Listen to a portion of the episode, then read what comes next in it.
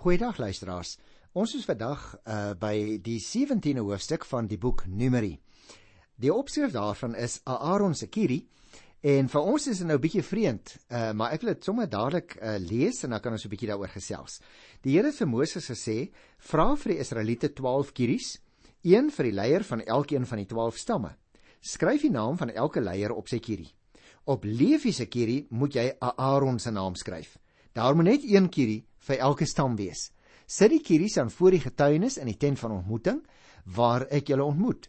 Die kierie van die man wat ek uitkies sal bot en so sal ek 'n einde maak aan die Israeliete se aanhoudende verset teen julle. Moses het toe met die Israeliete gepraat en hulle leiers het van 12 kieries gegee, een vir die leier van elkeen van die 12 stamme. Aaron se kierie was ook onder hulle. Moses het toe die kieries neergesit in die tent met die getuienis in die teenwoordigheid van die Here. Toe Moses die volgende môre by die tent met die getuienis kom, was daar botsels aan die kierie van Aaron wat daar was vir die stam van Levi.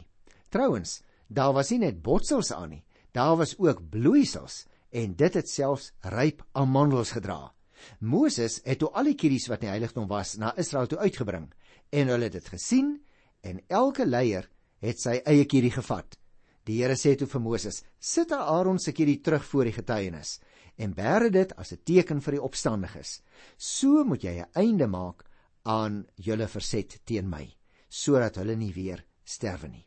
Moses het gedoen presies net soos die Here hom beveel het. Die Israeliete het toe vir Moses gesê: "Dit is klaar met ons. Ons gaan tot niet. Ons gaan almal tot niet. Elkeen wat net naby die tabernakel van die Here kom sal sterwe." Is dit dan heeltemal klaar met ons? Nou jy sien, hierdie mense het nou baie goeie skrik gekry as ek dit in gewone Afrikaans mag sê, nadat hulle in die vorige hoofstukke uh gesien het hoe dat mense wat uh, onrein offers gebring het, verkeerde vuur op die altaar gesit het, soos wat die Bybel dit daar uitgedruk het, gestraf het. En nou is hulle baie baie skrikkerig. Nou wat gebeur nou hier in die 17de hoofstuk? Kom ek vertel weer die verhaal in breë trekke dat ons uh, kan aanskuif na Hosea 18 toe. Die teenwoordigheid van God in die tent van ontmoeting neem hier in die 17 hoofstuk 'n sleutelposisie in. En wanneer die wandelstokke of die kieries dan wat die verskillende stamme verteenwoordig, daar in die teenwoordigheid van die Here neergesit word, gee die Here dan te kenne op 'n manier wat vir almal 'n uh, moontlik was om te sien wat sy wil is. Die kiri wat Aaron en die stam van Levi verteenwoordig, is die droë hout wat die Here vir sy diens lewend maak en vrugte laat dra. Met ander woorde, die feit dat die Here hulle gekies het om spesifieke priesterlike take te verrig, is die Here se genade, nie omdat hulle besonder goed was nie.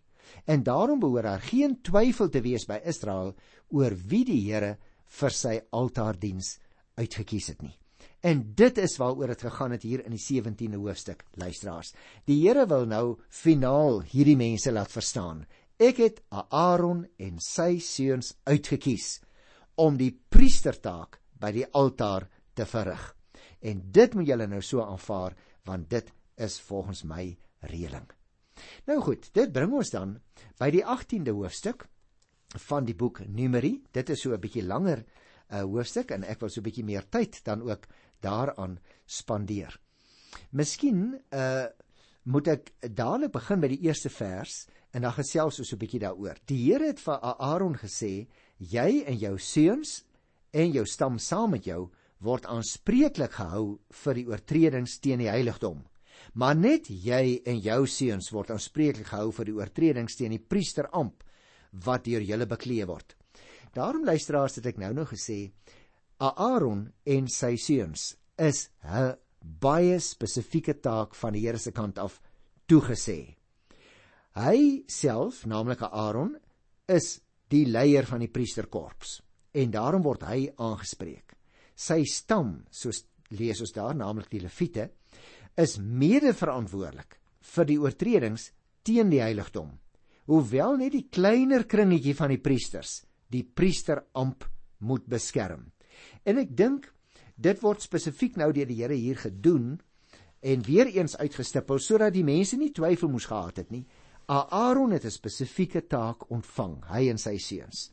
En dit wat dus in die vorige hoofstukke beskryf word, was 'n aantasting van die reëling wat die Here met hulle gemaak het.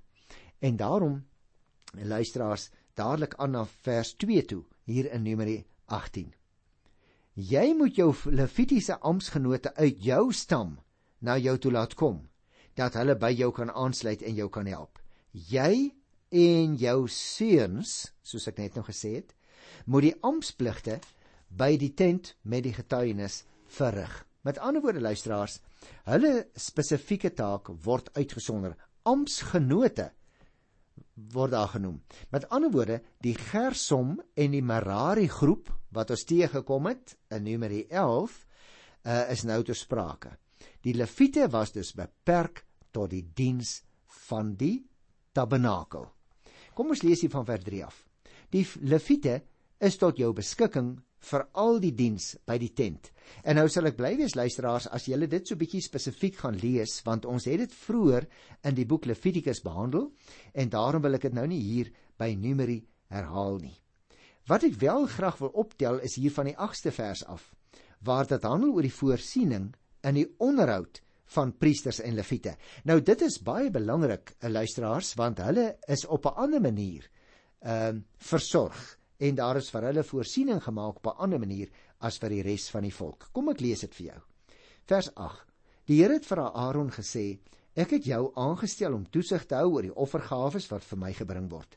Ek gee aan jou en jou seuns 'n deel van al die gewyde gawes wat deur die Israeliete gebring word. Dit is 'n vaste instelling.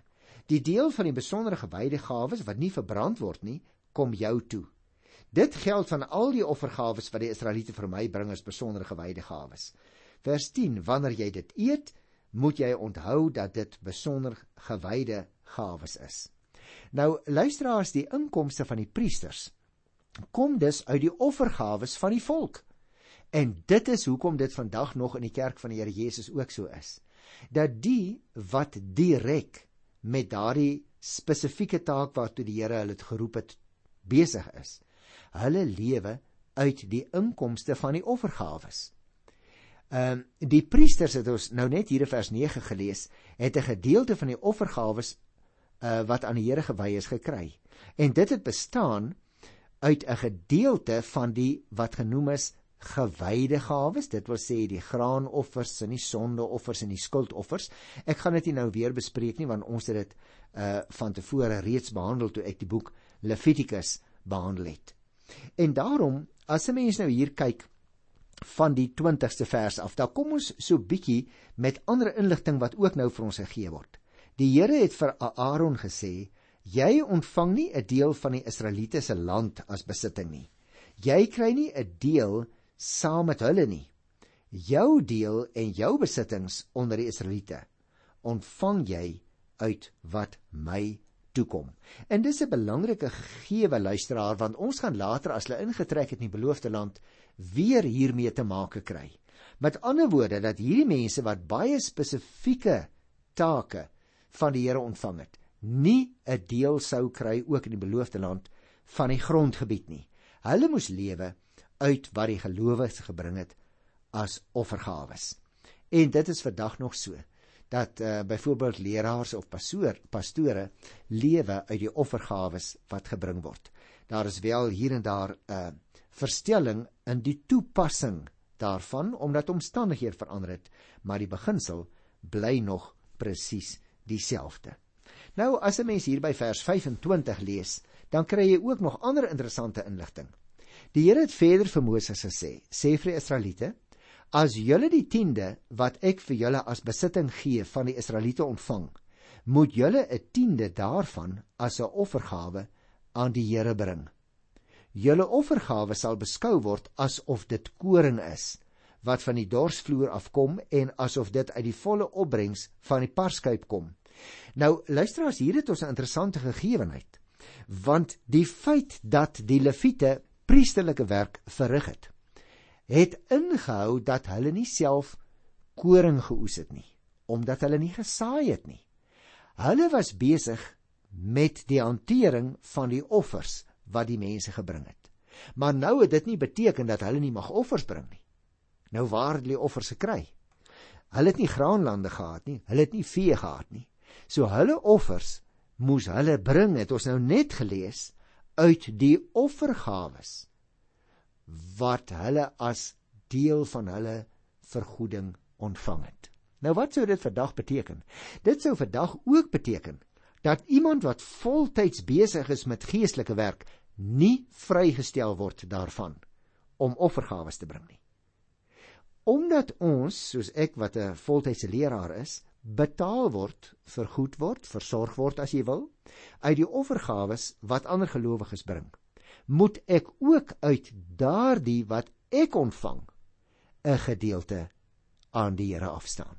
Met ander woorde, kom ek sê dit andersom. Voltydse geestelike werkers word nêrens in die Bybel vrygestel van die bring van offergawes nie.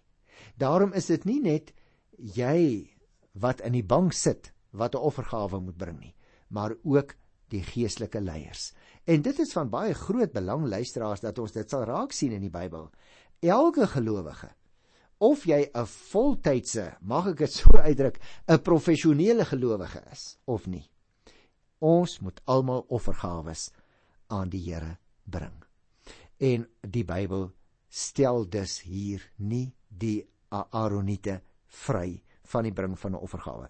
Hierdie tiende wat die Lewiete gegee het, het gegeld as hulle offergawe, as 'n verpligte heffing.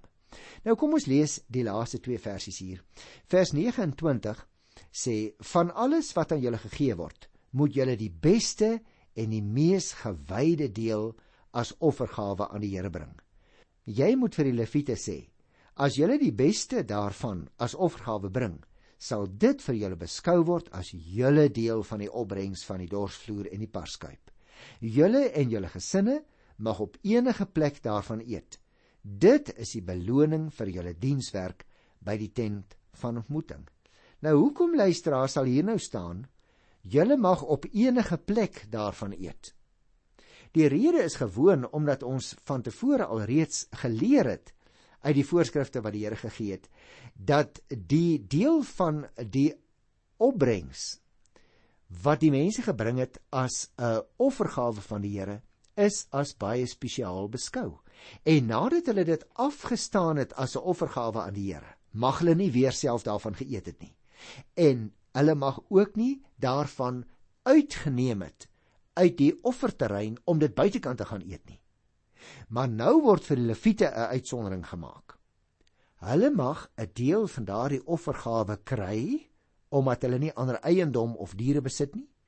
En hulle, die leviete, mag dit ook op enige plek eet. Nou hoekom word dit gesê? Omdat jy moet verstaan, die leviete kon tog nie by die altaar gewoon het nie. Die leviete het saam met hulle gesinne ook daar onder die volk gewoon. Wel naby die tempel, uh wat net 'n tydelike struktuur was tydens die woestyn tog. Maar hulle het by hulle gesinne gewoon. En daarom kon hulle anders as die ander volksgenote. Daardie gewyde offers wat hulle dan ontvang het as 'n deel van hulle vergoeding kon hulle op enige plek eet bedoelende saam met hulle gesinne want hulle kon nie daar langs die altaar sit en eet nie. En dan sluit die hoofstuk af deur te sê deur die beste daarvan te bring sal julle nie in hierdie saak oortree nie. Jy sien daar word dus ook nou weer vir hulle gesê van dit wat julle ontvang het of dit nou graan is en of dit nou vleis is daarvan moet julle ook 'n beste deel vir die Here gee. Maar staan hier, julle mag nie die gewyde gawes van die Israeliete ontwy nie, want dan sal julle sterwe. En hiermee word daar 'n groot verantwoordelikheid op die leviete geplaas, luisteraars. Dat hulle die offergawes wat hierdie mense gebring word op 'n baie baie verantwoordelike manier moes hanteer. En dit geld nog steeds vir mense wat voltyds geroep is om in die diens van die Here te staan. Ons het 'n verantwoordelikheid om toesig te hou oor die manier waarop die offergawes wat gemeentelede bring bestee word. As dit onverantwoordelik is, as dit op 'n onnodig koestige manier spandeer word op onnodige goed of luukse goed, dan is dit nie in lyn met die voorskrif nie. Geestelike leiers het dis 'n groot verantwoordelikheid luisteraars en julle moet ook voortdurend vir hulle bid. Maak nie saak aan watter kerk of groep jy behoort nie. Die offergawes wat aan die Here gebring word, is aan hom gebring. Die tweede gedeelte in die rukkie wat ons oor het in vandag se program luisteraars het ek gedink om net so 'n bietjie uh, aandag te gee aan die beloofde land Kanaan wat vir hulle voorgelê het. Want jy sien ons uh, kry nou al hierdie voorskrifte wat hulle moes nakom en dit is reg so maar ons presies nie weet nie altyd presies waarheen is hulle op pad nie. So ek wil net so ietsie van die geografiese ligging van uh wat dan nou in die Bybel hier genoem word Kanaan uh behels het in daardie tyd. Aan die noorde kant moet mense onthou is uh wat soms deur mense genoem word Palestina, afgegrens deur die natuurlike grens van die hoë Libanon en die sogenaamde anti-Libanon gebergte. Daar's baie standhoudende strome wat daar ontstaan uh op die hoë heuwels wat daar is. Veral vier groot riviere, naamlik die Orontes, die Abana of Barada soos dit soms ook in ons tyd genoem word en dan ook die Litani rivier wat weswaarts vloei uh, in 'n baie diep bedding wat die waarde van hierdie rivier eintlik aansienlik vermeerder en dan natuurlik wat vir ons baie bekend is die Jordaan. So dit was nou die noordelike gebied van die land. As 'n mens kyk na die oostelike kant, dan moet jy onthou aan die ooste kant lê uh, in die noorde die gevreesde woestyn. Dit was ek noem dit gevreesde woestyn waar jy moet onthou om in so 'n woestyngebied uh, te beland as jy nie 'n uh, watervoorsiening gemaak het nie, gaan dit verseker jou einde beteken. En uh, daardie gebied lê oos van die Hermongebergte en dit strek ver suidwaarts af tot hier in die Hauran gebergte gedeelte in die suide uh, van die land. In die suide is die land ook uh, deur 'n woestyn afgegrens. En hoe verder 'n mens van Jerusalem afgaan, hoe droër word dit. Dit is baie opvallend as jy vandag byvoorbeeld ry daar in die omgewing van die groot uh, stad Beersheba waar 'n uh, groot mediese universiteit ook is, dan val dit jou dadelik op hoe droog dit geword het. Nog baie droër as Jerusalem. En gaandeweg kom 'n mens in 'n halwe woestynstreek wat bekend staan as die Suidland of selfs ook deur mense genoem word die Negev. So in die Bybel uh, kry ons dit as Suidland, maar dan moet jy weet dit is wat uh, dieselfde gebied wat vandag uh, genoem word die Negev. Mens spel dit wel met 'n B, maar jy spreek dit uit as 'n V, die Negev.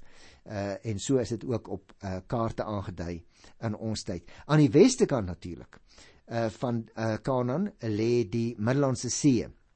Interessant ook, die Bybel praat van die Middellandse See as die Groot See. En dit is nou min of meer die geografiese ligging van uh, die land Kanaan. Maar ek wil ook graag so 'n bietjie net enkele opmerkings maak oor die kusvlakte. Dit wil sê as jy nou sou kyk na 'n landkaart van Palestina, uh hoe het dit gelyk uh destyds in Bybelse tye? Natuurlik, die geografie kan nou nie verander nie, maar wat daarop gebeur het, dit het ook nou al baie verander met die loop van die eeue. Uh daar was eintlik op die kusvlakte 3 hoofafdelings wat 'n mens sou kon uitsonder. Daar was eerstens wat destyds in Bybelse tye genoem is die vlakte van Akku. En hierdie vlakte strek daar van Berg Karmel af tot by die noordelike gebergte. Nou as jy op die kaart kyk, dan sê jy sien die Berg Karmel wat nou nie vreeslik hoog is nie, staan eintlik met sy voet in die uh, in die water van die Middellandse See.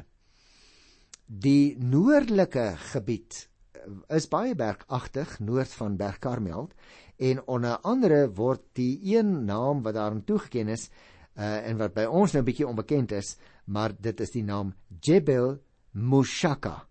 En die vlakte lê laag en is sanderig en dit is moerassig. 'n Gedeelte van hierdie akuvlakte is selfs geskik vir akkerbou En vandag as jy daar sou reis in die omgewing noordwaarts van Berg Karmel, dan sal jy sien die pragtige landerye wat die moderne Israelies daar met behulp van besproeiing aangebring het.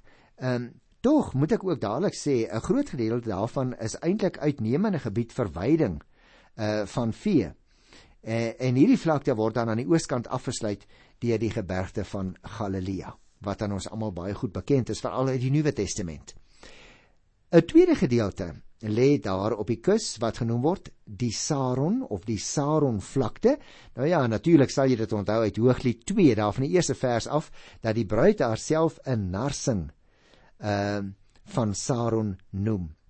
Tussen hakies in Jesaja 35 by die eerste vers lees ons ook dat die woestyn gedurende die messiaanse regering sal bloei soos die narsing het die ou vertaling nog gesê. Nou wat dit nou in hierdie gebied so wonderlike naam gegee, mag jy nou dalk vra. En hier is die storieetjie. Baie van die ou reisigers van Palestina destyds vertel van die pragtige blomvelde wat hulle daar aangetref het. Daar is narsings en anemone, wit en geel lelies. Die herfsroos wat in die boek Hooglied in Jesaja genoem word, is soos 'n soort afodil, 'n baie pragtige blom uh, met wit en pers strepe. Nou hierdie bolgewasse wat 'n mens dan daar in die Saron gebied op die kusvlakte kry, soos tulpe en swartlelies is veral daar baie talryk. Ongelukkig luisteraars, is hierdie pragtige land nie meer so nie. En moderne reisigers in Palestina moet nou getuig dat hulle te vergeefs na die roos van Saron gesoek het. Daar so hier en daar in daardie droë gebied nog 'n uh, roos wat jy teekom, maar dit is eintlik die uitsondering. Die uh, vlakte strek nou van Karmel af in die noorde tot by Jaffa in die suide. Nou Jaffa, as ek nou sê Jaffa, dan moet jy nou dadelik in die Nuwe Testament onthou ons skryf dit daar as Joppe. En jy sal nog onthou ek het in 'n vorige program vir jou gesê mense kry in ons tyd nou baie uh, kunstenaars wat in daardie omgewing gaan vestig. Nou goed, die kusvlakte het ek gesê uh, bestaan uit drie hoofafdelings. Ek het nou twee genoem, naamlik die vlakte van uh, Akku meer na die noorde en uh, toe die vlakte van Saron wat ek nou bespreek het en dan is daar nog die laagland wat ook soms genoem word Shefela. As jy dus vandag met 'n moderne Israeli praat of jy kyk op die landkaart, uh, dan sien jy die naam Shefela daar kry. Dan moet jy dadelik weet nou het jy met 'n laagliggende gebied uh te maak. En die vraag is, wat moet ons nou onder hierdie laagland verstaan? Nou dadelik moet ek sê, daar verskil van mening of die laagland net bestaan uit die lae kusvlakte en of die lae berge ook ingesluit is. Daar is naamlik weer ander mense wat dink die Shofela uh, is alleen die lae kusland reg langs die kusgebied van Palestina. Nietemin hierdie laagland strek van Jaffa uh verder suidwaarts tot by wat ook in ons tyd nog genoem word Egipte spruit. Die suidelike gedeelte van hierdie gebied is nou regtig woestynagtig. Nou kry mense nie regtig meer baie plante groei nie. Dit is 'n sanderige gedeelte met groot sandduine van los uh, land wat deur winde in onaangename sandstroms op, opgejaag word. En die sandduine, dis interessant luisteraars, uh dalk sê jy daarin belangstel. Die sandduine verander dikwels van plek na 'n geweldige storm gewoed het. Is ook maar soos ons uh, by die uh uh, kusgebiede waar daar baie sand is, nê. Nee? Jy kry as dit ware verskuiwing van die sandduine. Uh en dit is omdat die sandduine verander uh dikwels van plek na 'n geweldige sandstorm gewoed het. En die enigste vastigheid in hierdie woeste wêreld is die kaal rotse wat hier en daar op die kusvlakte uitsteek. In die somer kan hierdie woestyn regtig ondraaglik warm word. Die gedeelte is dan ook selfs in ons tyd nog steeds baie eil bewoon. Alleen die oases verskaf woonplek aan klein groepies nomade wat daar rondtrek, uh voortdurend maar in ons tyd ook nog op soek na so 'n bietjie grasspriete vir hulle kamele en diere wat gewoonlik maar baie uh dun en maar is. Maar geleidelik dan gaan die woestyn oor na die noorde kant toe uh in 'n steppe gebied. Nou ek het gedink dit is goed as ons miskien net vir mekaar so geleidelik begin inlei oor hoe die land Kanaan gelyk het. Want as ons nou hoor van 'n land van melk en honing, jy onthou nog net hoe die boodskappers die boodskap teruggebring het uh wat uitgestuur is deur Moses uh en Aaron, het hulle kom sê dit is 'n land wat oorloop van melk en honing. Miskien nie in ons terme wat hier in Suid-Afrika woon nie, maar in daardie omgewing was dit 'n land met 'n wye verskeidenheid uh wat daar goeie landbou beoefen kon word waar daar landerye aangeplant kon word uh waar daar ook droë gebiede was wat weer 'n ander manier van 'n lewenstyl vereis het. So dit is 'n wonderlike land wat eintlik baie lande in een is word vandag vir ons gesê as ons daar wil gaan rondtoer. Dit is die wonderlike gebied waarheen hierdie mense op pad was. Nou, miskien sê dit ook vir ons luisteraars dat ons dus nie net aan 'n klomp teoretiese wette wat die Here vir hulle gegee het moet dink nie, maar dit het konkrete dinge vir hulle ingehou. En vandag sorg die Here nog so vir ons met konkrete dinge. Ek groet jou in sy wonderlike wonderlike naam tot volgende keer so die Here wil. Tot dan. Totsiens.